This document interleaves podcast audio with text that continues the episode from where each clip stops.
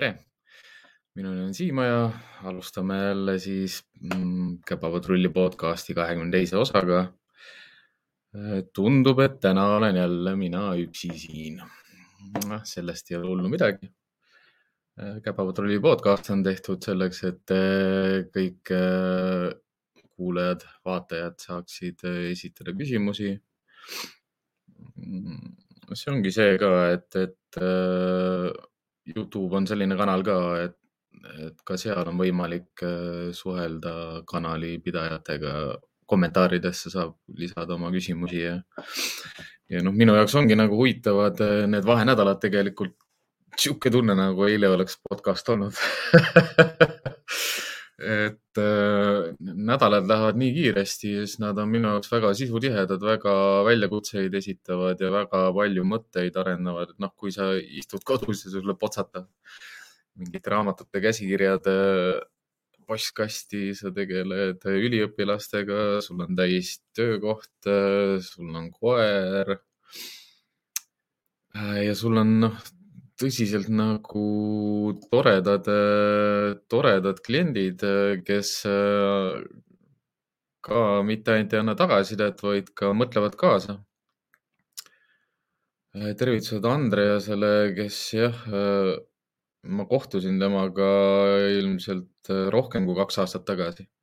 siiamaani oled inimestele meeles ja, ja nad jagavad informatsiooni, kui nad on midagi midagi tekib selline seos, et, et, et noh, Siim kindlasti oleks sellest huvitatud ja tahaks ka nagu lugeda. tere ka Erikale. sain sinu tagasiside ka kätte ja, ja noh, seda õhinat ja tuhinat ja põnevust ongi, ongi mõnus nagu tajuda, kuulda ja, ja tagasisidet saada. üldiselt ütleme, et see, võtaksin eelmise nädala kokku sellise, sellise tähe all nagu stress ja noh, stress koertes, stress läbi rihma, stress inimestest stress, stress, stress äh,. mitte kuidagi nagu halvas mõttes ega, ega, ega, ega kehvasti. aga tänase sellise jututeema põhjaks ma endale võtan kindlasti stressi koertes ja, ja, ja selle ka mida, mida ma olen lugenud nädala jooksul, mis mõtteid mul on kogunenud sellega jooksul, mis emotsioone, virvarre on läbi käinud. kui mõnus jalutuskäik mul eile Wise'iga oli ja, ja elu, elu ikka õpetab selles mõttes, et äh, kõige suurem selline, kõige suurem selline, kuidas nüüd öelda vale arusaam või selline väljahõikamine inimese poolt, kes on äh, valdkonnas tegutsev ja mõju, mõjus äh, oma väljaütlemiste ja, ja arvamuste poolest, et, et, et kui öelda inimestele, et, et ma ei usu sellesse, et inimesed suudavad ennast muuta või et, et ma ei usu sellesse, et inimesed muutuvad, et, et noh, treenime ja koolitame koeri, aga ärge nii palju nagu iseenda pärast muretsege, et te niikuinii ei muutu, noh, mitte, mitte päris otseselt niimoodi välja öeldud, aga mina täiskasvanute koolitajana tean faktina, et inimesed on võimelised õppima, muutuma ja, ja, ja, ja kasvama, õitsema, õppima. noh, nimetage seda, kuidas te tahate. kas ta sai valgustatuks, kas ta lõpuks hakkas uskuma endasse või jumalasse või millessegi muusse, kolmandasse, neljandasse, viiendasse, vahet ei ole koerte koolitamises on ka oluline pidada silmas seda, et inimesed on võimelised muutuma ja, ja ja ma usun, et, et maailmas on inimestel kogemusi koertega koos elades piisavalt, kus, kus nad on tajunud selle ära, et muutus neis endis on, on äh, muutnud koera käitumist. kas, kas paremuse või halvemuse poole seal, seal ei olegi nagu see, see suur roll, aga noh, mõlema, mõlema see, see muutus võib liikuda mõlemas suunas.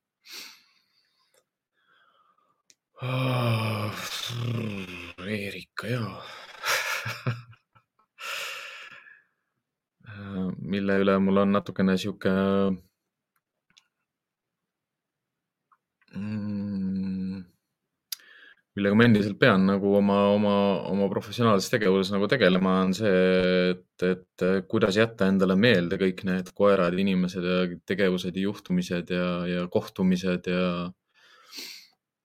ja noh, ma ei ütlegi seda kuidagi selliselt, et, et, et ma pean olema mingi üliinimene või, või, või, või, või kuidagi olema super, super selline faktide, nimede, aegade, kuupäevade, kellaaegade, tähtaegade meelespidaja, et tänapäeval on meil väga palju abivahendeid, aga noh, üks, see on täiesti niisugune nagu kriminaalselt nagu ohtlik mitte, mitte hoida meeles, mitte hoida meeles osasid inimesi oma elus, mitte hoida meeles omasid, osasid koeri oma elus, mitte hoida meeles mingeid tähtaegu, tähtpäevi, kellaaegu. üldiselt inimesena mina olengi selline, et ma sean endale väga palju piire, piiranguid, no mitte selles mõttes, et, et ma piiran ennast, vaid selles mõttes, et ma sean ennast piiride sisse, et, et ma töötan palju paremini, kui mul on piirangud ette antud ja, ja piirilised vahemikud ette antud või ise ette seatud äh,. endiselt siis täna on järjekordselt selline osa meil, kus on küsimused ja vastused vastajateks olen siis täna ka jälle mina. küsijateks on siis kõik need inimesed, kes meid laivist saavad jälgida. Teema ja valdkonnakohased küsimused on kõik küsimused, mis on koera koolitamisega seotud, koerte psühholoogiaga seotud, minu poolest ka koerte anatoomiaga seotud. et, et elavdada seda vestlust jah, selle selle hetkel siis monoloogi, monoloogi jooksul mm,. stress, stress koertes nagu paar sellist põhilisemat mõtet, mis mulle kohe pähe tulevad, on see, et et järjekordselt noh, ikkagi uurimustöödes ma põrkan sellega kokku, et proovitakse kogu aeg seada mingeid ajalisi raame ja mingeid standardeid ja noh, arusaadav ka sellepärast, et kui sa eksperimendi korras midagi uurid, siis tulemus on ju, peab olema mõõdetav. Selles mõttes kestvuse, kestvuse või ajalisuse või korduvuse poolest. mis ongi ju, noh, on kahte tüüpi uurimus, uurimusi ja need on kvalitatiivsed ja teised on kvantitatiivsed, et ütleme koerte, koerte valdkonnas tehtavad uuringud on enamjaolt ikkagi kvaliteet, kvantitatiivsed ehk siis uuritakse ikkagi mingeid nii-öelda numbreid, mis lõpuks korreleeruvad, mille alusel saaks öelda, et see on nii. Mida ma peangi nõrgaks kohaks, ütleme stressi, stressiuuringutes on koertes see, et proovid proovitakse ja noh, mitte ei proovita, vaid pannakse ja öeldakse, et on olemas erinevad piirid, ajalised piirid, kestvuspiirid, noh, lahustumus, lahustumuspiirid, organismist väljaminemise piirid, ehk siis noh, me räägime praegu kortisolist, stressihormoonist, mis jah, püsib kesa, kehas kaua ja kui stress on jääv või pidev, siis, siis ta, siis ta ongi ju noh, nii-öelda nagu mediaantasemel koera kehas ka. stress omakorda siis ja tekitab äh, koeras väga palju erinevaid äh, mitte ainult käitumismuresid ja mitte ainult tervisehädasid, vaid ka vaimseid häireid ja, ja ka olemasolevate haiguste äge, ägenemisi ja ka noh, käitumismustrite ägenemisi. Aga mida kindlasti stressi puhul koertes ei pea nagu võib-olla niimoodi pingsalt taga ajama või, või, või, või äh, kindlalt veendunult nagu lähtuma sellest, et äh, mu koer on stressis, nüüd ma arvestan sellega, et see stress on pidev, see stress on kogunev ja see stress ei leevene. Ja põhimõtteliselt mul ei ole peaaegu mitte midagi teha selleks, et teda stressi leevendada, sellepärast et kui ma ühest, ühest artiklist loen, et kõikidele koertele ei pruugi liikumine olla sobiv nagu stressi leevendamise meetod, seda enam, et kui viia teda rasketesse keskkondadesse, olukordadesse. ja, ja teisalt loed, et, et selleks, et stressi leevendada, noh, oleks just hea koeraga käia, koerale näidata, koerale tutvustada uusi, uusi asju või kard-, asju, mida ta kardab või asju, milles ta kahtleb või või siis kolmandaks lihtsalt nagu liikuda selleks, et, et kulutada koera energiat. nüüd selle liikumise all on ka noh, kaks, kaks sellist tahku, et kas liikuda koeraga selliselt, et ta on rihmastatud, liikuda selliselt, on rihmastamata, liikuda selliselt, et ta nuusib pidevalt, liikuda selliselt, et ta ei nuusi pidevalt. ja noh, päeva lõpuks ongi, ongi sellises mõttes nagu sihuke suur pudru ja kapsad virvarr, et äh, kui me stressiga proovime koertes, koerte puhul tegeleda, siis võib-olla me tihtipeale jääme nagu kitsalt ühte asja kinni. ja noh, ma iseenda kuulasin oma podcast'i järgi ja, ja ja tabasin ennast ka selliselt mõttelt, et ega mina koolitajana jagan ka väga tihti nagu oma seda hetkekogemust, mis mul sel nädalal on olnud või, või eelmisel nädalal on olnud ja ja tihtipeale ei pane niimoodi podcast'is ka õppija vajadusi nagu tähele. sest sellist dialoogi või sellist noh, pilti, õppija pilti ei näe, õppijat ei ole sul vastas, emotsioone ja ja pilke ja silmi ei, ei loe, ei tõlgenda, ei näe ja, ja küsimusi jooksvalt nagu küsida niimoodi operatiivselt ja kiiresti ei ole võimalik sellistes olukordades. aga mida, mida ma tahaksin nagu noh, kuulajatele hingele panna just, kui me mõtleme stressi, stressi peale ja stressi leevendamise peale, et, et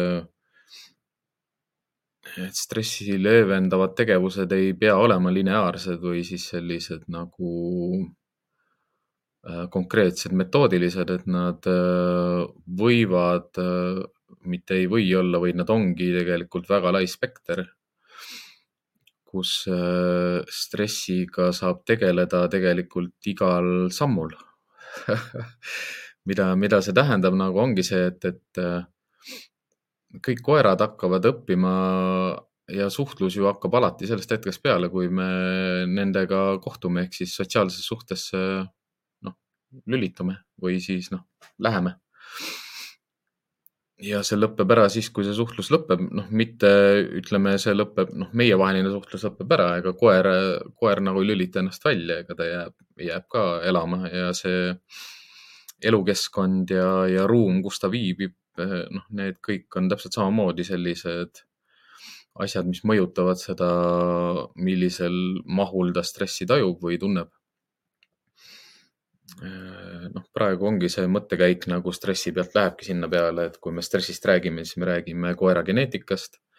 kui me stressist räägime, siis me räägime elukeskkonnast ja keskkonnast, kus koer elab, liigub, viibib kui me stressist räägime, siis me räägime kõigest sellest, mida me koerale oleme õpetanud milliseid treeningmeetodeid kasutanud või, või mil, milliseid õpetamismeetodeid kasutanud, ka selliseid meetodeid, mida me teadmatusest oleme või tegevusi, mida me teadmatusest oleme koeraga kasutanud, kasvõi noh, iseenda kasvatus või kogemus, varasem kogemus, kuidas, kuidas koertega koos elada.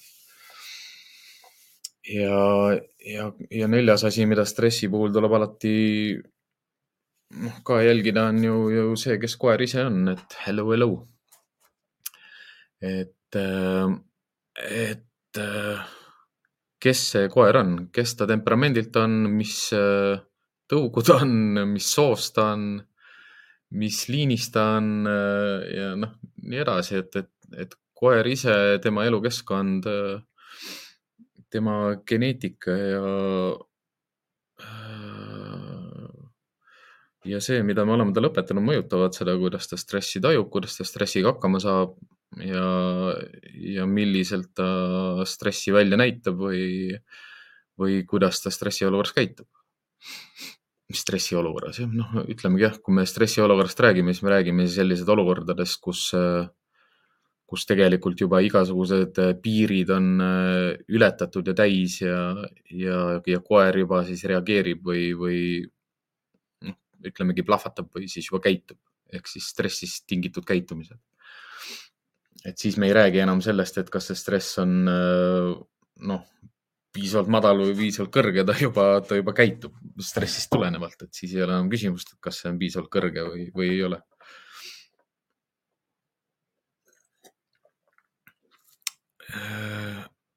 et jah, kui, kui stressimuredega hakata koertega tegelema, ega siis sa ei tegele kunagi nagu ühe asjaga, mitte, sa võid tegeleda teadlikult ühe asjaga, aga sa peaksid äh, saama aru lihtsalt sellest ka, et stressi ko, koerte stressi leevendusmeetodite puhul me ei tegele kunagi ühe asjaga korraga. mm..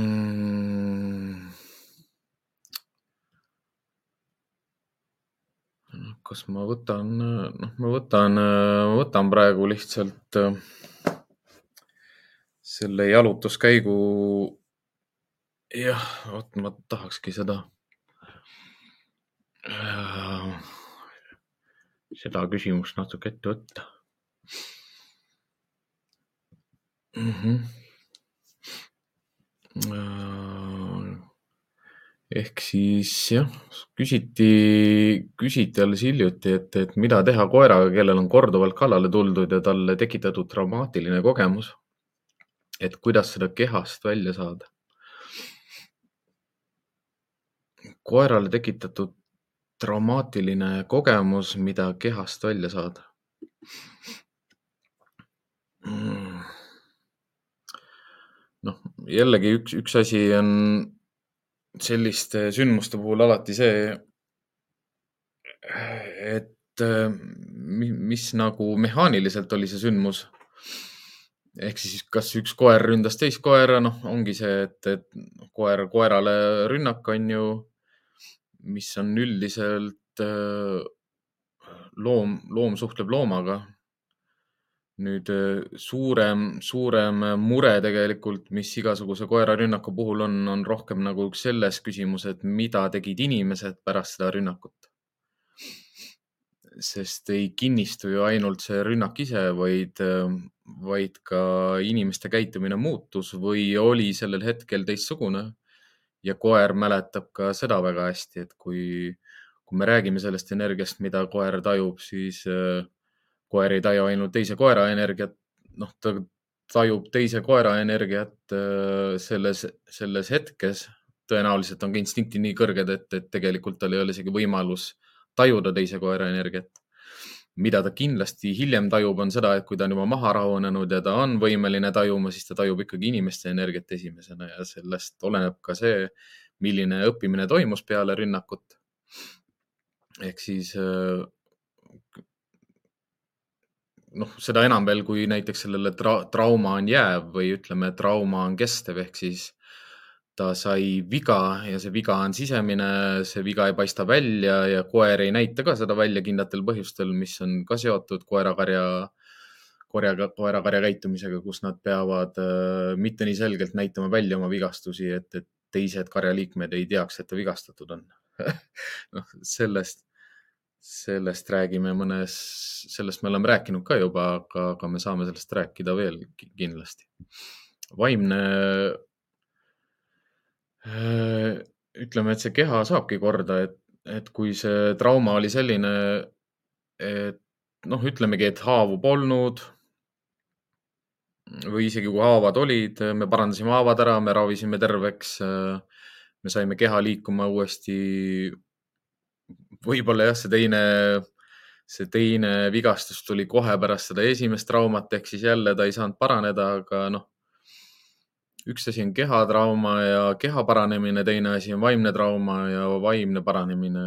Ja, ja mis selliste koerte kakluste puhul kõige suuremaks miinuseks ongi, on sellepärast see, et, et seal tõenäoliselt olid juures inimesed ja tõenäoliselt need koerad olid rihmas või isegi kui nad ei olnud rihmas, siis juures on ikkagi inimesed ja pärast on ka juures inimesed mm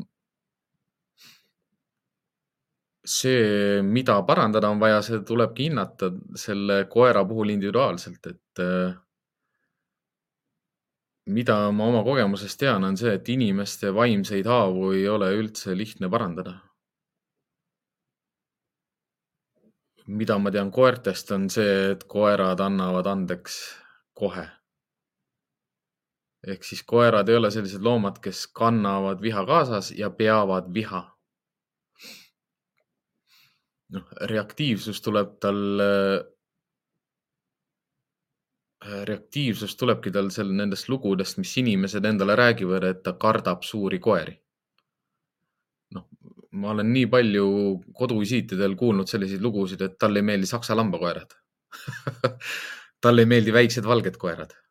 see ei ole mitte kuidagi seotud äh, koeraga, see on seotud kõik inimesega.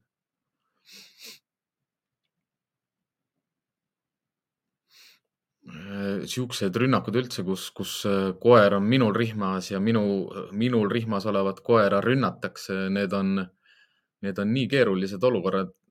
Äh, sest see, mida ma ise inimesena teen ja mida ma rihmaga teen, need mõlemad asjad on olulised seal. noh, üldiselt, kui, kui mul on olnud selliseid rünnakuid selle koera vastu, kellega ma jalutan siis minu asi on seda koera kaitsta. kestab see kaklus nii kaua, kui ta kestab. noh, tihtipeale on see ka rohkem selline purelemine. Ja kui ma saan selle teise koera ära aetud lõpuks ja selle pausi kakluses nagu tekitatud, siis ma pean, elu läheb edasi. et see ongi see mõte, et et koer annab, noh, koerad ei anna and-, koerad ei anna andeks, nad ei peagi andeks andma, nad on koerad koeralt ei saa oodata andeks andmist ja koerad ei anna kellelegi andeks, aga koerad lihtsalt ei pea viha. mis jääb, mis jääb pidama, ongi see stress, mis käib läbi rihma, see stress, mis on inimese sees. ja selle, seda ainult forsseerib see seda kõike forsseerib see stress, mida koer ka ju loomulikult tunneb. ehk siis ongi see, et kui me stressi, stressijuhtumitest või, või, või rünnakutest või stressi leevendamisest räägime, siis me ei räägi kunagi nagu ühest konkreetsest juhtumist ühe koha peal, vaid me räägime sisuliselt kõigest, mis selle koeraga kunagi on toimunud või toimub hetkel. Ja mitte ainult nagu siis, kui ta õues jalutab, vaid mis selle koeraga toimub toas, magamiskohal, söögi ajal, noh ja nii edasi, mis temaga kogu aeg toimub.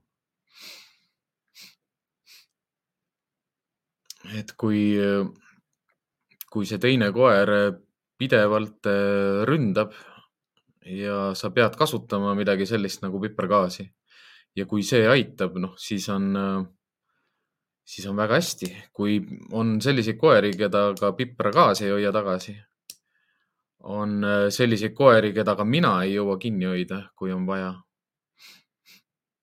Äh, jah, ma olen, ma olen ka seda emaste koerte juttu kuulnud, aga kõige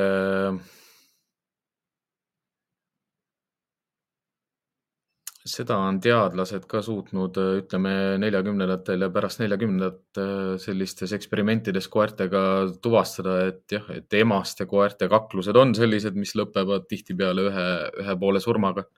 aga ma ei võtaks jälle seda sellise, esiteks ma ei võtaks seda sellise kindla reeglina ja teiseks ma ei võtaks seda ka tõupõhiselt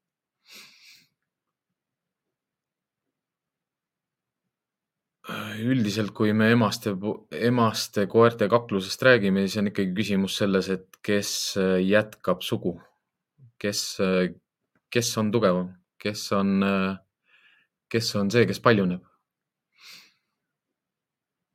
kus, noh, lähme, kerime natukene tagasi jälle sinna karja struktuuri juurde ja mõtleme selle peale, et kui, kui võimsad osad emased koerad, kes inimesega koos elavad, võivad arvata, et nad on. tal on kodu, tal on diivanid, tal on voodid, tal on söögid, tal on mänguasjad, tal on inimesed, tal on järgijad, tal on aed. tal on kõik asjad olemas. miks ta ei peaks arvama, et tema on see, kes paljuneb ja keegi teine peale tema ei paljune? aga noh, kui me räägime agressioonist ja reaktiivsusest, siis me räägime ju ka stressist, stressiilmingutest, stressiga kogunevat, kogunevast kortisolist, testosteroonist. ma olen jalutanud selliseid emaseid koeri, kes tõstavad jalga, kui nad pissivad, ehk siis ka emane koer võib olla testosteroonist pun punnis noh, jälle tulevad mängu, on ju, geneetilised omadused, keskkonnast tingitud omadused, õpetatud käit-, õpetatud omadused ja see, kes see koer ise on. Et see on nagu, see on alati äh, noh, ja kui me räägime üldse koera kaklustest, siis äh, igal juhul ma valin nagu kaks korda ennem sellise koerte kakluse, kus kumbki koer ei ole rihmas, kui sellise kakluse, kus mõlemad koerad on rihmas või üks koer on rihmas, sest noh, see lisab sinna veel omaette sellise, sellise kihi kohe juurde, kus, kus, kus, kus järjekordselt nagu ei ole absoluutselt vahet selles mida tehakse sellel hetkel, kui see kaklus toimub. kõige suurem roll on kõiges selles, mida tehakse pärast kaklust, vahetult pärast kaklust, kohe pärast kaklust, kohe, kui kaklus lõpeb, kohe, kui ühe, ühe koe, üks koer hakkab kuulma ja nägema, kohe, mis siis toimub.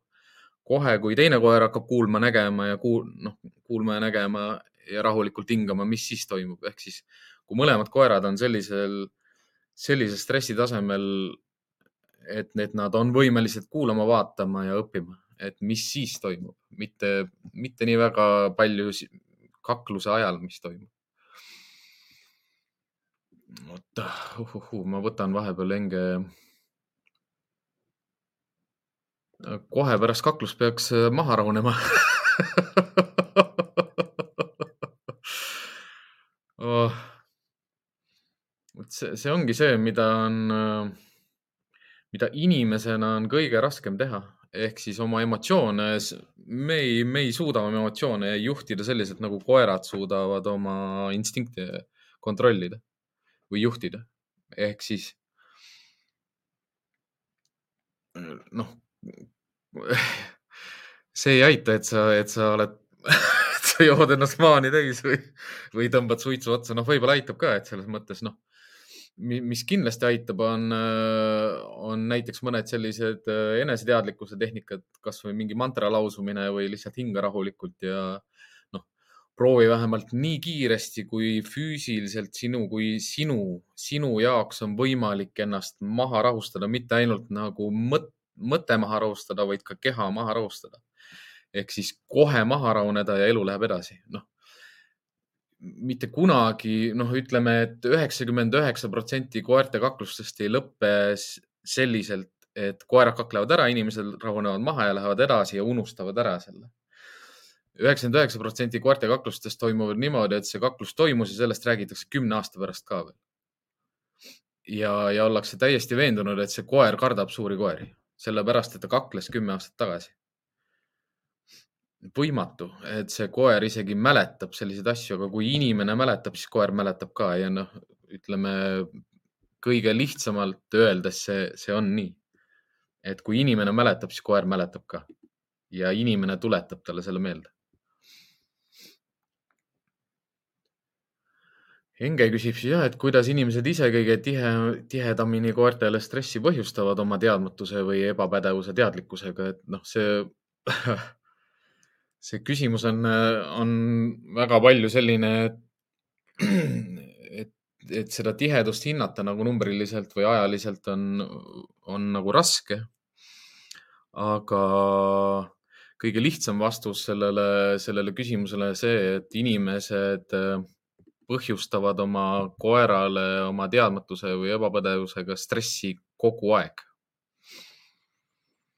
et noh, mida te stressi puhul peate nagu aru saama, on see, et on olemas positiivne stress ja on olemas negatiivne stress. noh, kui me üldse hakkame rääkima, kui me hakkame rääkima koera õpetamisest ja õpetamise teooriatest, siis on positiivne stress on selline stress, mida koer kannatab ära ja õpib midagi ja negatiivne stress on selline stress, kus koer ei ole võimeline enam õppima ja noh, sa võid seda stressi ainult ülespoole tõsta ja ta ei õpigi. nüüd, kui me mõtleme seda, et, et kuidas inim-, isegi kui sa oled teadja, sa tekitad koerale stressi noh, noh, toon lihtsalt näite sellelt, et, et iga kord, kui ma Wise'ile rihma kaela panen, siis ta äh, pissib alistuse, alistumisest. noh, kui, kui see ei ole stressist tingitud nagu alistumispissi, siis ma ei tea, mis asi ta veel on, aga see ei ole seotud kuidagi sellega, kui teadlik mina olen. aga ma ikkagi põhjustan stressi, sellepärast et mu käsi käib üle koera pea. Ma vaatan talle niimoodi otsa ma kummardan kehaga kümme kraadi ettepoole. Ja see tekitab temas stressi. Nüüd äh, küsimus ongi selles, et, äh, et, et ma hakkan koera stressi leevendamisega tegelema siis, kui ma olen tähele pannud seda, et ta on stressis, et, et et tasubki ju inimesena jälgida seda, et mida võib-olla tihtipeale tähele ei panda, on see, et isegi kui ma mängin koeraga, ta jõuab vahepeal näidata stressimärke. noh, stressimärgid on haigutamine, raputamine, keelega limpsamine, äh, noh, erinevad sellised kehaasendid, kus ta, kas tal saba läheb, noh, korraks kasvõi jalge vahele.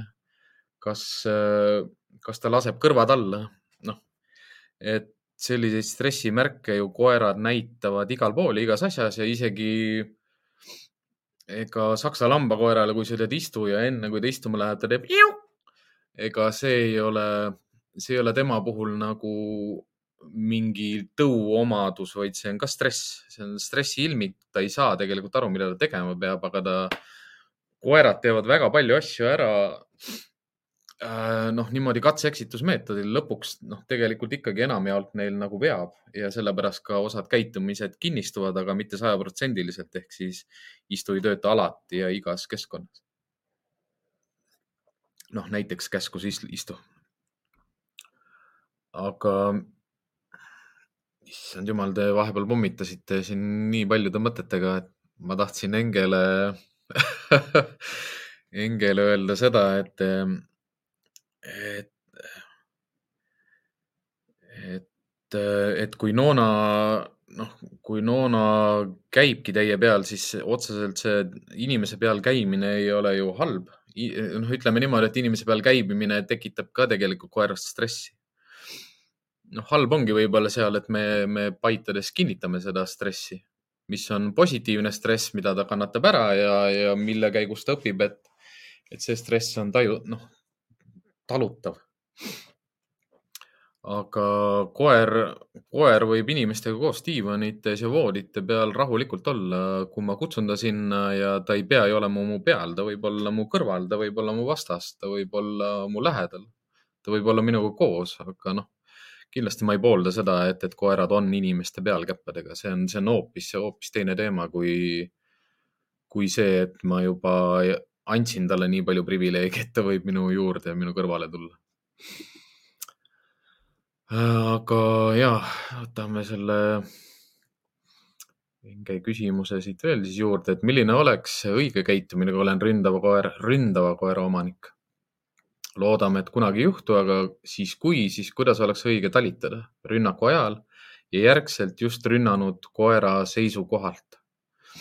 noh, kui me räägime kui me räägime selle, sellisest omanikust, kes on siis selle koera omanik, kes ründab teist koera, siis me alustame ikkagi kõigepealt sellest, et me ennetame üldse seda, et mu koeral on võimalik teisi koeri rünnata. Just eile jalutasin äh, Wise'iga, ühe labradoriga koos. noh, minu asi on lihtsalt äh, hoida Wise'i nii palju kontrolli all, et ta ei saa teist koera rünnata. noh, okei okay,, nii olen nüüd tähelepanematu ja natuke hooletu või jah, lihtsalt äh, magan selle hetke maha, kui mu koer, äh, noh, ma ei tea, haarab teisest koerast järsku kinni, kasvõi saab sabast, kõrva otsast, moka otsast või, või kuskilt muust näksata või naksata. Et sellisel hetkel oleks sellele koerale, kes ründas, kindlasti vaja selgeks teha, et see tema käitumine, mida ta praegu tegi, on täiesti vastuvõetamatu. nüüd see kitsaskoht seal selle, selle selgeks tegemise juures ongi jälle see, kus inimese reaktsioon sellistes olukordades on noh, ka tegelikult mitmeid, osad, osad koeraomanikud, kelle koer on kedagi rünnanud võtavad oma koera ja lähevad kiiresti liikudes teises suunas, onju. osad koeraomanikud, kelle koer on just kellegi teise koera rünnanud, hakkavad nutma, osad koeraomanikud hakkavad karjuma, osad koeraomanikud hakkavad sind süüdistama, et sinu koer on süüdi. noh, ütleme, et neid, neid käitumismustreid seal inimeste puhul ja koerte puhul on väga palju erinevaid, aga mina ründava koera omanikuna peaksin oma koerale andma ikkagi mõista sellel hetkel sellest, et mulle ei meeldi see käitumine, mida ta praegu tegi üldse. ja noh, ma ei räägi sellest, et, et kasutage elektrit, togasid või gaasi oma koera peal. ma räägin sellest, et teie koer peab olema õppinud, noh, raske nagu raske nagu tagantjärgi niimoodi koeral selgeks õpetada, ma hakkan seda õpetama koertele alati kutsikast peale. ehk siis see karja struktuuri kehtestamine hakkab kutsikast peale, sest kui sa kutsikast peale seda koerale tutvustad, siis on ju palju lihtsam. ehk siis ega sa ei pea olemagi üldse pahane, sa pead olema lihtsalt hästi konkreetne ja, ja kasvatab, noh nagu hea kasvataja. küsimus ei ole domineerimises ega agressioonis, küsimus on lihtsalt sellises heas kasvatuses kus ma kutsikaid võin, kutsikaid on lihtne tõsta, lükata, blokeerida, kinni hoida. Äh, millest ma rääkisin ka. et, et kutsika kinnihoidmine ei ole halb meetod, kui sa tead, mida sa teed ja sinu puudutus koera jaoks peab ju kutsikast saati olema loomulik, et sina puudutad teda ja sina võid teda katsuda. noh, me ei või selliseid koeri katsuda, keda ei, kes, kelle roll karjas on selline, et ta ei ole puudutatav, ta ei ole see koer, keda puudutatakse, tema on see koer, kes puudutab teisi. noh, see on jälle karja struktuuri küsimus on ju, et kes puudutab keda ja kes võib keda ja kust ja kui palju puudutada noh, paljude inimeste jaoks ei tule ja paljude koerte jaoks see ka ei tule selliselt üldse elu, terve selle koera elukaare jooksul välja. et ta on mingi koer, kes puudutab teisi või noh, aga siis sa lähed mingi tšivauva juurde, kes ronib sulle sülle, katsub sind huulte, keelte ja hammastega kogu aeg ja vahet pidamata ja arvabki, et ta peab seda tegema. sest üks asi on see, et ta hakkas seda tegema kunagi ammu lihtsalt selleks, et välja selgitada, milline ta roll karjas siis samal ajal, kui ta lakku puudutab, siis teda kiidetakse, paitatakse ja, ja temaga räägitakse, noh ja siis see süveneb ja, ja üks päev ongi niimoodi, et, et, et sa ei või enam tema pesa juurest mööda minna, sa ei tohi teda valesti vaadata ja kui ta sööb, siis keegi ei tohi teda segada, aga keegi ei saa aru, kust järsku see agressioon tuli. noh, ütleme praegu läheb natukene jälle lappama ehk siis kui, kui mul on selline koer, kes teisi koeri ründab, noh, ütleme, et noh, a la ma sain ta varjupaigast. Ähm, äh, ta hakkas agressiivselt käituma siis, kui ta oli aasta-poolteist, noh, mingi klõps käis ära, noh, me kõik teame, ma olen sellest rääkinud korduvalt, mis klõps see on. Äh, ja, ja nüüd mul ei ole enam sellist positsiooni karjas, kus ma oma koerale võin lihtsalt selgitada ära, et see, mis ta praegu tegi, on täiesti välistatud. kui ma seda kutsikas peale olen koerale õpetanud, siis ma lihtsalt, äh, noh, ma näitan kuidagi niimoodi, ma panen talle käe vastu ja panen ta maha pikali. noh, ütleme, et kui, issand jumal, mul on nagu telefoni vaja või midagi. jälle see nimedega on ikka nii kehvasti Karolin Karoline, noh, ma lugesin sinu seda raamatu käsikirja ja, ja noh, nii hea kokkuvõte tegelikult selles mõttes kõikidest teemadest, mida, mis, mis nagu mõtetest läbi jookseb ja see puudutuse osa just, kus, äh, kus massöörina on ju, sa tead, mida puudutus teeb koertele ja kuidas koer puudutusele allub ja millisele puudutusele ta allub. noh, sama asi on ka, ka koerte puhul, kes ründavad teisi koeri. ja ta on minu koer, siis ta peab ka saama aru sellest, et kui ta just ründas teist koera ja mina teda puudutan ja kui ma, kui ma vormin teda mingisse asendisse, siis ei ole minu puhul tema suhtes nagu mitte mingi negatiivne soov aga kindlasti ma panen ta ebamugavasse olukorda selles olukorras, kus ma panen ta selle koera juures, keda ta just ründas külili ja ma lasen veel sellel koeral, keda ta ründas, teda nuusutada. noh, näiteks ütleme sellises kontekstis, kus, kus ei olnud mitte koertevaheline rünnak, vaid oli ühe koera rünnak teise koera vastu. ehk siis noh, rünnakute puhul tuleb osata ka sellest aru saada, et kas üks koer ründas teist koera või koerad kaklesid omavahel sest mõlemad olid ülbed, noh, kas, kas mõlemad koerad olid ülbed või üks koer oli territoriaalne ja läks teist koera ründama või noh, ressursikaitse või, või liigselt erutunud või, või liiga stressis või liiga frustreerunud, noh, mida iganes. ründas teist koera või koerad kaklesid omavahel. olenemata sellest, kas üks koer, noh, kui, kui üks koer ründas teist koera, siis selle ründava koera ma panen külili kui need koerad kaklesid omavahel, siis ma panen nad mõlemad külili. miks ma panen nad külili, sellepärast et ma ise lähen nende kohale. Miks ma lähen nende kohale, on sellepärast, et ähm, ma tekitan neile väga ebameeldiva olukorra selles kontekstis, selles kohas, pära, vahetult peale seda tegevust. Äh, just sellepärast, et äh, muidu ma oma koerte kohal ei käi, et noh, see ongi see mõte, kus, kus ma ei paita koeri pea pealt, kus ma ei kummarda nende kohale, kus ma ei pane toidukaussi maha isegi niimoodi, et ma kogemata läksin üle nende pea. aga millal ma nende kohale lähen, on kindlasti siis, kui ta teeb midagi sellist, mida ma ei taha, et ta kunagi teeks. noh, ütleme koerte koolitajana on ka see ohtlik sest noh, need ongi just need olukorrad, kus sa hammustada saad või, või kus see koera, see noh, tegelik tema ja see tema frustratsioon kõik järsku välja pannakse. sest seda stressi on kogunenud nii palju ja noh, ta on, ta on niikuinii kogu aeg üle piiri juba töötanud, et, et kui see lõpuks nagu kokku pakitakse või proovitakse nagu pudelisse pressida, siis see plahvatab kõik korraga. aga noh, ongi koerte rünnakute ajal kaks küsimust, mis alati jäävad kõhku, on see, et inimene peab jääma rünnaku olukorras rahulikuks vahetult pärast rünnakut, aga samas ka piisavalt enesekindlaks ja sihikindlaks, et see koer kas siis saab karistada, mitte, mitte karjudes, mitte lüües, mitte kägistades, vaid äh, külili pannes, kinni hoides, maas olles, alla andes ehk siis kui sa koera paned külili ja ta lõpuks äh, maha rahuneb, siis ta käpad langevad all, noh, käpad langevad alla. ja ta pea langeb ka maha, üldiselt nad panevad silmad kinni. noh oh,. see ongi sellised asjad, mida osad inimesed mitte kunagi ei koge on koerte kaklused ja kuidas neid lahendada selliselt, et äh, koerale ei jää mitte mingit vaimset Äh, sellist märki külge.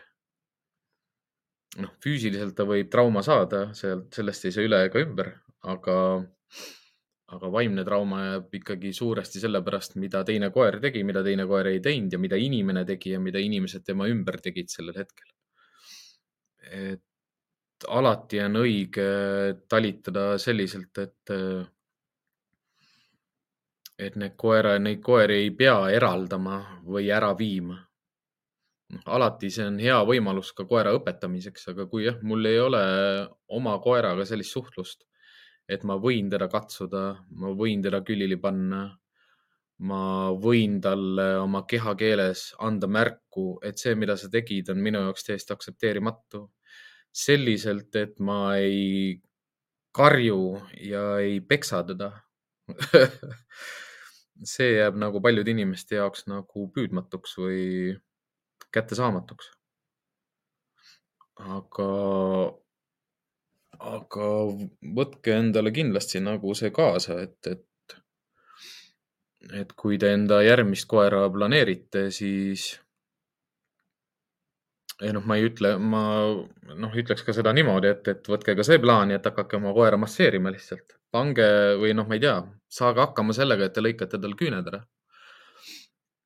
et noh, ma tean nii paljusid koeri, kes ei lase oma omanikel oma küüsi lõigata. ma tean paljusid koeri, kes ei lase oma omanikul ennast kammida ma tean väga paljusid koeri, kes eh, elu sees ei ole nõus olema maas pikali, samal ajal kui ta omanik katsub teda kõiki tema kehaosi. et võite täiesti vabalik, vabalt alustada kasvõi sellest, et te lõikate oma koeral küüned ära. Siis minge edasi sinna, et te kuivatate ja puhastate ja pesete oma koera. hooldate teda ehk siis selline hea peremehelik hooldus minge sealt edasi sellele, selleni, et, et te hakkate oma koera masseerima ja venitama. ja minge sealt edasi selleni, et, et teatud situatsioonides te reageerite koerte käit-, koera käitumisele selliselt, et te panete ta üsna vihaselt, noh, ütleme kõrgendatud stressiolekus, teie olete kõrgendatud stressiolekus, te panete ta pikali maha, külili niimoodi, et ta laseks lõdvaks ja annaks alla. ja see kõik on selline progressiivne tegevus, ega see ei ole midagi sellist, et äh, hakka täna tegema, et äh, pane mask pähe, paksud püksid jalga, jämedad kindad kätte ja mine koeri murdma, et sihuke mees on Youtube'is olemas. Äh, et ütleme, selline see töötab äh, sellel hetkel selle mehega kiiresti selle koera puhul sel päeval ja kestab ka ilmselt paar päeva, ütleme kaks-kolm päeva kestaks umbes, sest see on äh, koera jaoks väga traumeeriv, vaimselt väga traumeeriv, aga see ei jää kestma pikaajaliselt. Sest liigne füüsiline jõud ei, ei aita koeral õppida, noh, posi-, läbi positiivse stressi, ta tajub ikkagi liiga palju negatiivset stressi. Et äh,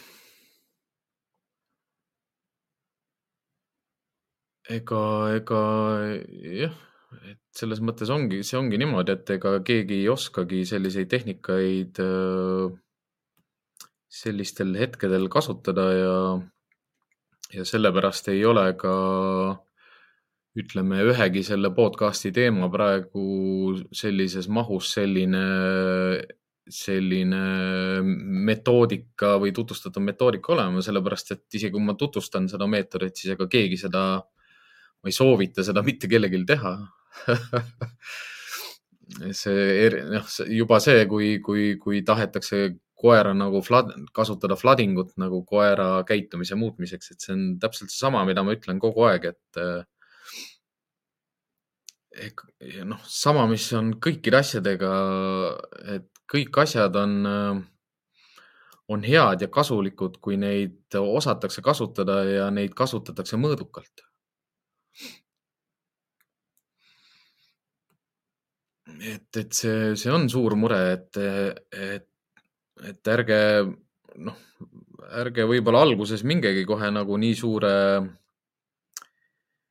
nii suurt nagu tükki hampsama, et, et kuidas, kui mu koer on teiste koerte peal agressiivne, et kuidas ma ta maha rahunema saan, et, et minge pigem nagu alustage sellest, et lõigake oma koeral küüned ära niimoodi, et ta ei tõmble et ta, et ta usaldab teid, et ta, et ta usaldab teie puudutust, et ta ei taha põgeneda teie juurest.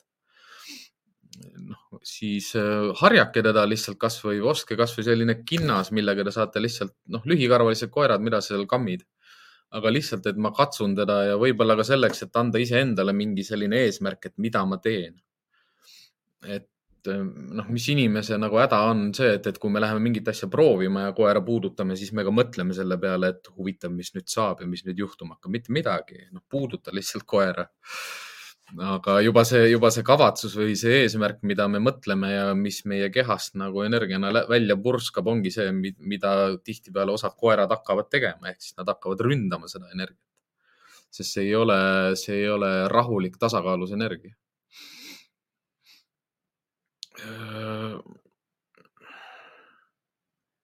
noh, jällegi ega, ega selle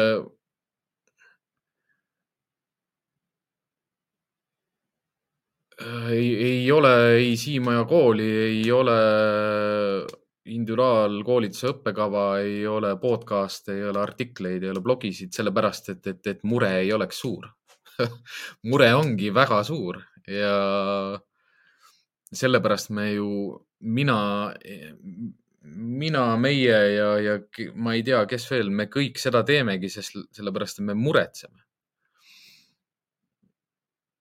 Mida, mida, mida ma olen ammu juba seletanud, on see, et osadele koolitussoovidele ma ei reageeri kiiresti, millele ma reageerin kiiresti, on äh, väiksed lapsed ja naised ja agressiivsed koerad. Ja see ei ole kindlasti mitte sellepärast, et, äh, et, et, et keegi on olulisem või vähetähtis, vaid äh, vaid äh, ütleme ka tuletõrje ja kiirabi ja politsei väljakutsete puhul on niimoodi, et sa reageerid nagu Alfa Bravo Charlie kutsungitele selles järjekorras. Et kui sa, kui sa oled koerte käitumisspetsialist Eestis, siis sa pead ka oskama selliselt nagu, selliselt ka jagada neid äh, väljakutseid nagu, et kas ta on Alfa, kas ta on Charlie või kas ta on Bravo väljakutse et kui kiire sellega on, kas, kas see nädal on vaja aeg broneerida, kas mul on kahe nädala pärast, kas me võime poole aasta pärast sellest rääkida? kas ma võin selle teema võtta podcast'is lihtsalt teemaks ja, ja inimene saab sellest äh, lihtsalt juba abi. et, et see on kõik ju, kõik omavahel seotud, ma ei tee asju, mis ei ole omavahel seotud aga kui ma tulen selle stressi teema juurde tagasi, siis äh, koerte stressi leevendamiseks ongi, ongi hea lihtsalt ennast kurssi viia sellega, äh, millised on näiteks koera stressimärgid, milliseid, milliseid stressimärke nad kehakeeles näitavad. noh, jällegi väga hea, väga hea soovitus kõikidele koeraomanikele, vaadake lihtsalt oma koera.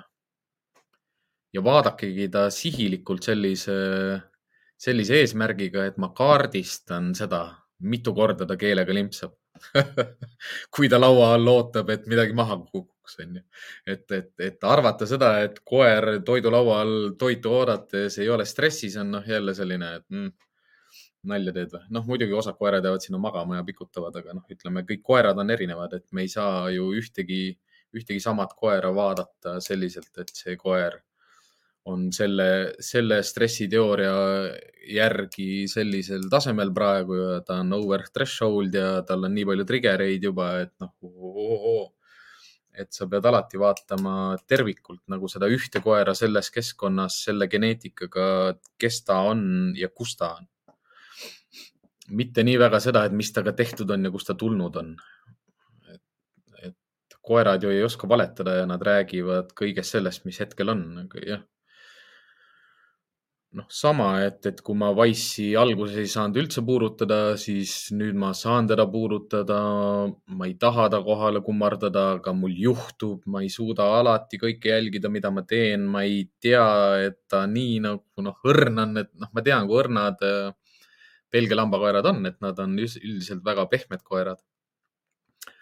aga just see, et, et ma soovin ka kogu aeg koeraga suheldes nagu olla võimalikult vähe stressi tekitav.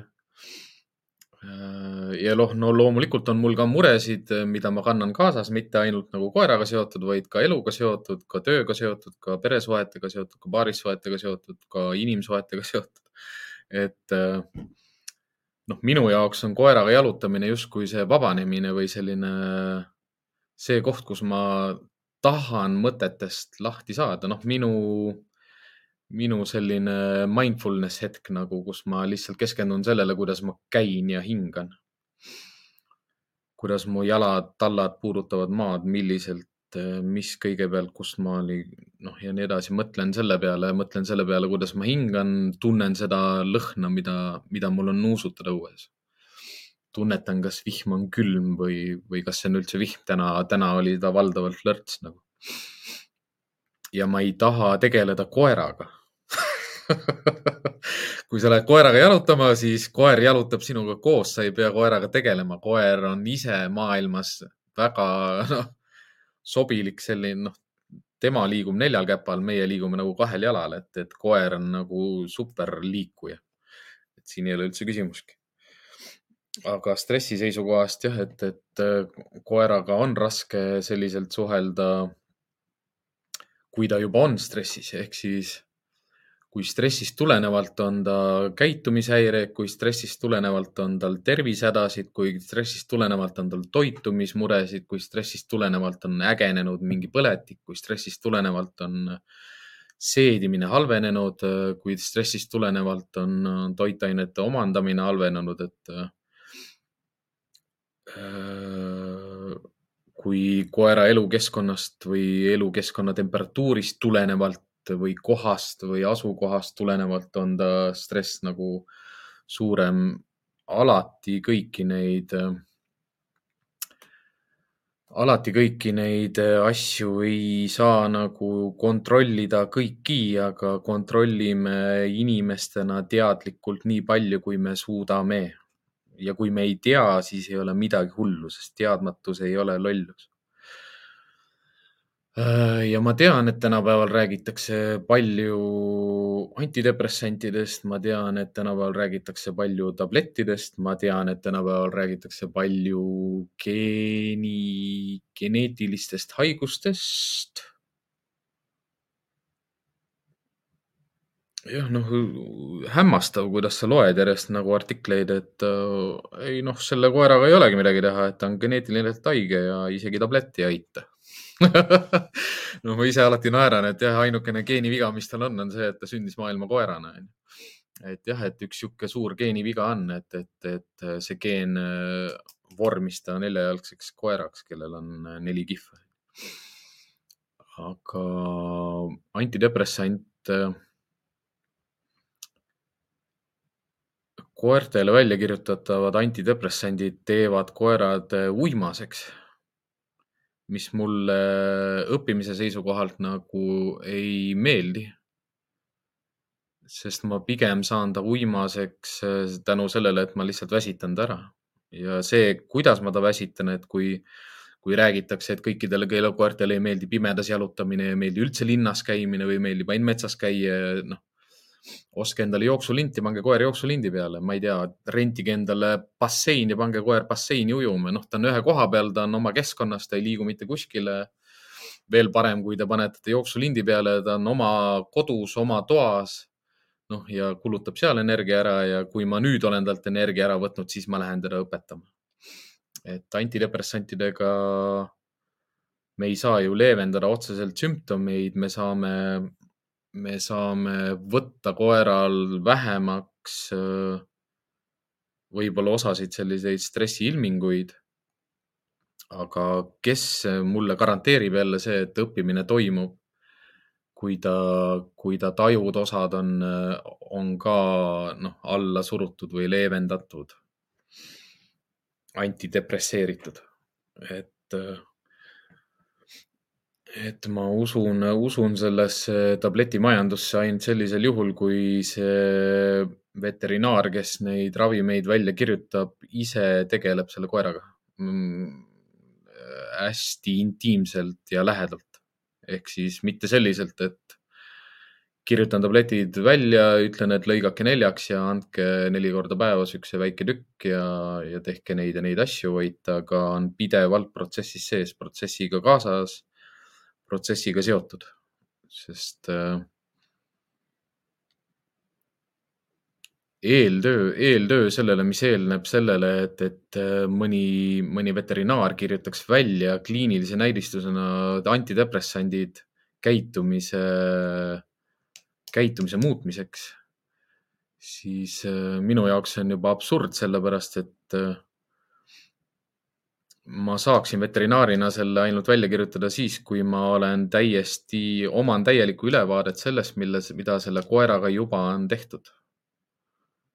täielikku ülevaadet, mitte, mitte sellist nagu küsimustikku või, või oma checklist'i või, vaid nagu päriselt ka, mis selle koeraga juba on tehtud.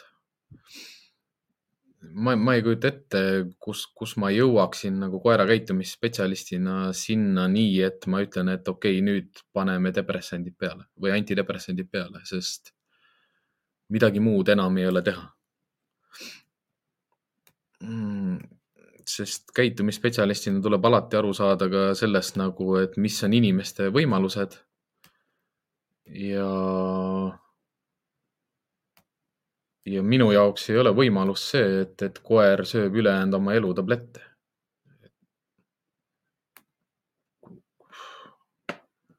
siis, siis juba inimesena tuleks juba vaadata seda, et, et äkki ma saan selle koera anda kellelegi, kes saab selle koeraga hakkama.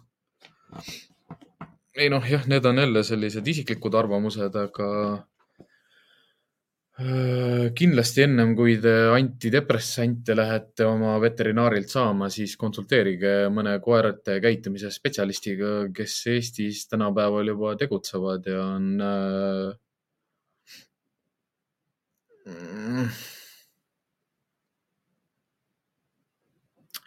jah et see ongi see, see ongi see kõige suurem mure, et väga ei julge nagu soovitada kedagi sest noh, ikkagi, ikkagi valdavalt nagu oma teadmisi ja arusaamu jagavad äh, kõik, kõik inimesed, kes vähegi oma professioonist ja valdkonnast nagu lugu peavad. see on üks ka selline professionaalse arengu protsess või etapp, mis võiks kuhugi välja jõuda. aga stressi, stressi leevendus minu jaoks koeraga koos oleks kindlasti selli, sellised nagu potid või kastid, mis on siis koos liikumine, koos mängimine ja koos olemine selliselt, et ma katsun teda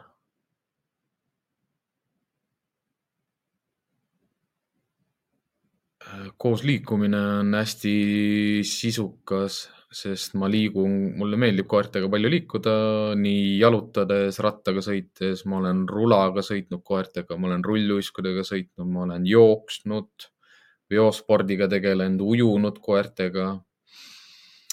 mäng on minu jaoks koertega selline, mis võib toimuda peaaegu pool päeva sest ma ei pea mängima ainult nagu aktiivseid ja kiireid mänge, ma võin mängida toiduga, ma võin peita toitu, ma võin peita ta lemmik mingit närimiskonti, ma võin äh, mängida temaga koos oma kehaga, ma võin temaga mürada.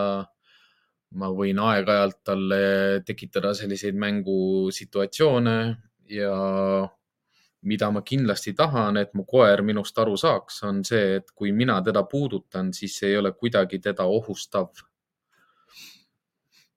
minu, noh, kas te tegelete, kas te uurite, ma ei tea, T-Touchi äh,, mis see on, tuuritruugas kas te ostate massööri, massööri või füsioterapeudi teenuseid sisse, kas te käite agility trennis, kas te käite rallikuulekuse trennis, kas te, noh, kas te käite mingi mõnes treeningul, kas te ajate jälge, kas te tegelete kuulekuskoolitusega?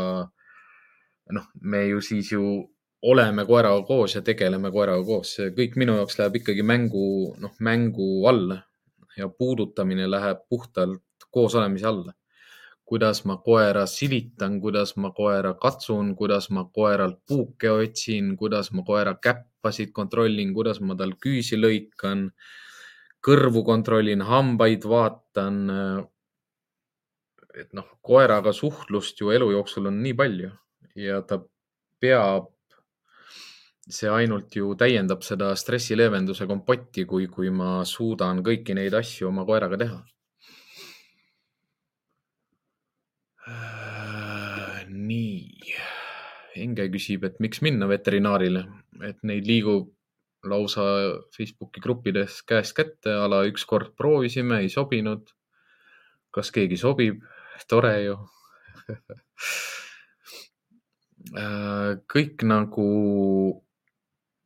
veterinaari kogemused igal koeral ja koeraomanikul on individuaalsed et see, mis sobis ühele koerale ja ühele koera omanikule, see ei pruugi sobida teisele. Äh, sama, samamoodi on, on selliseid veterinaare, kes saavad väga paljude koertega väga hästi hakkama.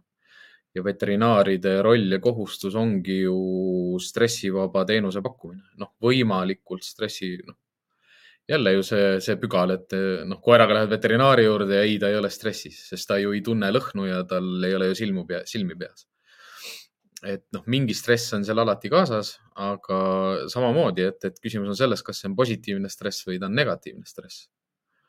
kas see on positiivne selles suhtes, et koer ei õpi midagi halba ja pigem kinnistub midagi head ja uut või siis negatiivne stress, kus koer õpib midagi halba ja kinnistub midagi, kinnistub kasvõi ainult lihtsalt see, et koer pidi tajuma negatiivset stressi selles keskkonnas, selle lõhnaga, selle inimesega mis tegelikult noh, ütleme minu kõrvaltvaataja jaoks ei ole seal midagi stressirohket, et ma tõstsin kutsika laua peale, talle löödi süstal tagumikku ja tehti süsti, onju, et noh, ta on selline igapäevane, igapäevane tegevus. ma ei ole, ma ei ole hea inimene, kes veterinaaridest tänasest päeval räägib, et kui te tahate veterinaari jutte kuulata, siis Julia Abram tegi uue podcasti, mis on Eesti sada veterinaari. Eesti sada veterinaari, äkki sellise nimega, et minge kuulake kindlasti. ma ise ei ole ka kõiki osasid veel jõudnud kuulata, aga juba lihtsalt seda mõttekäiku, mis on äh, veterinaaria õppejõududel ja, ja veterinaarias tegutsevatel arstidel, et seda on hästi huvitav kuulata arstide, veterinaaride eesmärk on ka alati pakkuda stressivabat ja, ja võimalikult vähe invasiivset teenust, et äh,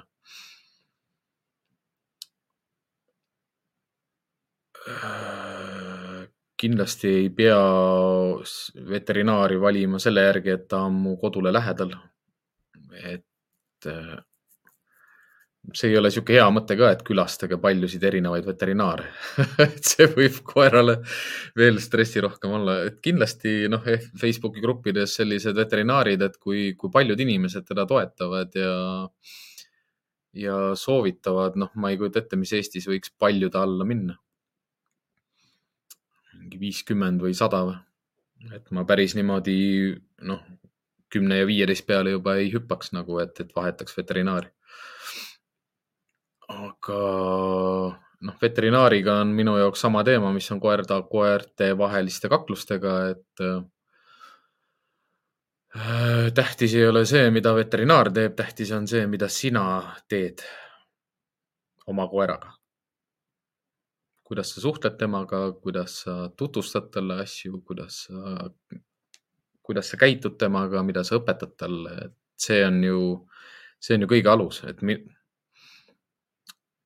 ma ei mäleta, et ma, kui mul teenistuskoerad oleks olnud, et, et ma valisin, millise veterinaari juurde ma lähen, ma lihtsalt läksin tavaliselt jah, kõige lähema, lähimasse veterinaarkliinikusse, mis tee peale jäi. ma olen käinud kokku viies erinevas, jah, vii-, noh, üks, kaks, kolm, üks, kaks, kolm. jah, neljas, neljas erineva veterinaari juures, neljas erinevas veterinaarkliinikus, aga ma arvan kuskil kümne erineva veterinaari juures ja noh, ma olen ka käinud äh, mitte oma koeraga veterinaari juures, et mis oligi pull, oli see, et kui ma Betsitis töötasin, siis mulle vahest kliendid tulid niimoodi, et, et palun mine minu koeraga veterinaari juurde sest jah, ma noh, kuna ma olin gruumer ja ma töötasin hotellis ka, siis osade koertega ma olin juba väga tuttav osasid, osad koerad toodi mulle pessu, sellepärast noh, ma ei tööt, töötanud siis enam grooming us, aga noh, ma ikkagi pesin nad ära, sest ähm, ma teadsin neid koeri ja omanikud teadsid, et mina saan nad pestud. noh, see toob ju alati selle juurde tagasi ka, et, et, et kui omanik ise ei saa oma koera pesta, et noh, minu jaoks oleks seal juba selline väike hüüumärk noh, kolm, kolm suurt punast hüüumärki tegelikult. aga, aga tuleb jääda alati selliseks elurõõmsaks ja natukene nagu loogiliseks ja, ja arusaajaks ka mingil määral, et, et ütleme, et selline hea professionaalne selline kahe jalaga maa peale toomise see küsimused, mida endalt küsida, ongi alati see, et kas koer on endale ohtlik, kas koer on teistele ohtlik ja kas koer on ühiskonnale ohtlik. Et kui ma saan noh, Chihuahua puhul teha niimoodi, et tšekk, tšekk, tšekk, noh, alati tegelikult see esimene, et kas koer on endale ohtlik, kas, kas on ohtlik, kui koer on pidevalt stressis ja loomulikult on ohtlik, aga kui inimene ei tea noh, kui ma veel ei ole talle öelnud, on ju, siis äkki see ei ole nii ohtlik, sellepärast et siis inimene ka ei muretse nii palju. et, et see teadmatus ei ole lollus, ongi ju selles hästi palju kinni, et, et vahest on hea mingeid asju mitte teada. ja teine asi on see, et, et kui sa nüüd teada said ja sa ikka veel loll edasi oled, siis, siis vot see on nagu kriminaalselt karistatav aga tänaseks ja tõmbame otsad kokku, ütleme, et see vestlus siin äh, vaibus. Ma ei hakka ka lihtsalt, äh, kui, kui te tahate, et ma koertest räägin, siis ma võin tundide viisi koertest rääkida. sel, see ei ole selle podcast'i mõte. mida, mida kindlasti kaasa võtta tänasest on see, et äh, koerad on stressis inimesed on stressis. maailm on stressirohke. Aga on olemas positiivne stress ja on olemas negatiivne stress. ehk siis eh, soovin kõikidele koertele inimestele rohkem positiivset stressi, mil, läbi mille nad saavad õppida, areneda ja vähem negatiivset stressi, aga mina ei saa olla see, kes ilmtingimata noh, taktikepiga ja kogu aeg kõrvalt pealt vaatab, et et kas, kas läks õigesti või ei läinud, et, et selleks me neid öö, oma kogemusi, arvamusi ja teadmisi jagame, et, et, et igaüks ikka ise saaks jõustatud ja võimestatud selleks, et, et millegi sellisega tegeleda. Ja noh, ongi, kutsuge Karolin endale appi, kui te ise ei saa oma koera katsuda, et, et ka kõik sellised ju eeltööd selleks, et, et koer hakkaks inimestel lubama ennast katsuda, et ma ka varsti vestlen Karoliniga sellel teemal, et kuidas ma Wise'i veel paremini katsuda saaksin, et ma ei ole päris nõus sellega, et ma ta tooli külge kinni seon. Et kui sa tead, mida ma mõtlen. Ja, ja, ja, ja. Vot. Aga aitäh kõikidele vaatajatele-kuulajatele. kohtume nädala pärast kolmapäeval pool kaheksa õhtul. Ja seniks äh, kuulmise-nägemiseni ja endiselt teadmatus ei ole lollus. olge tublid ja stressivabad tšau-pljau.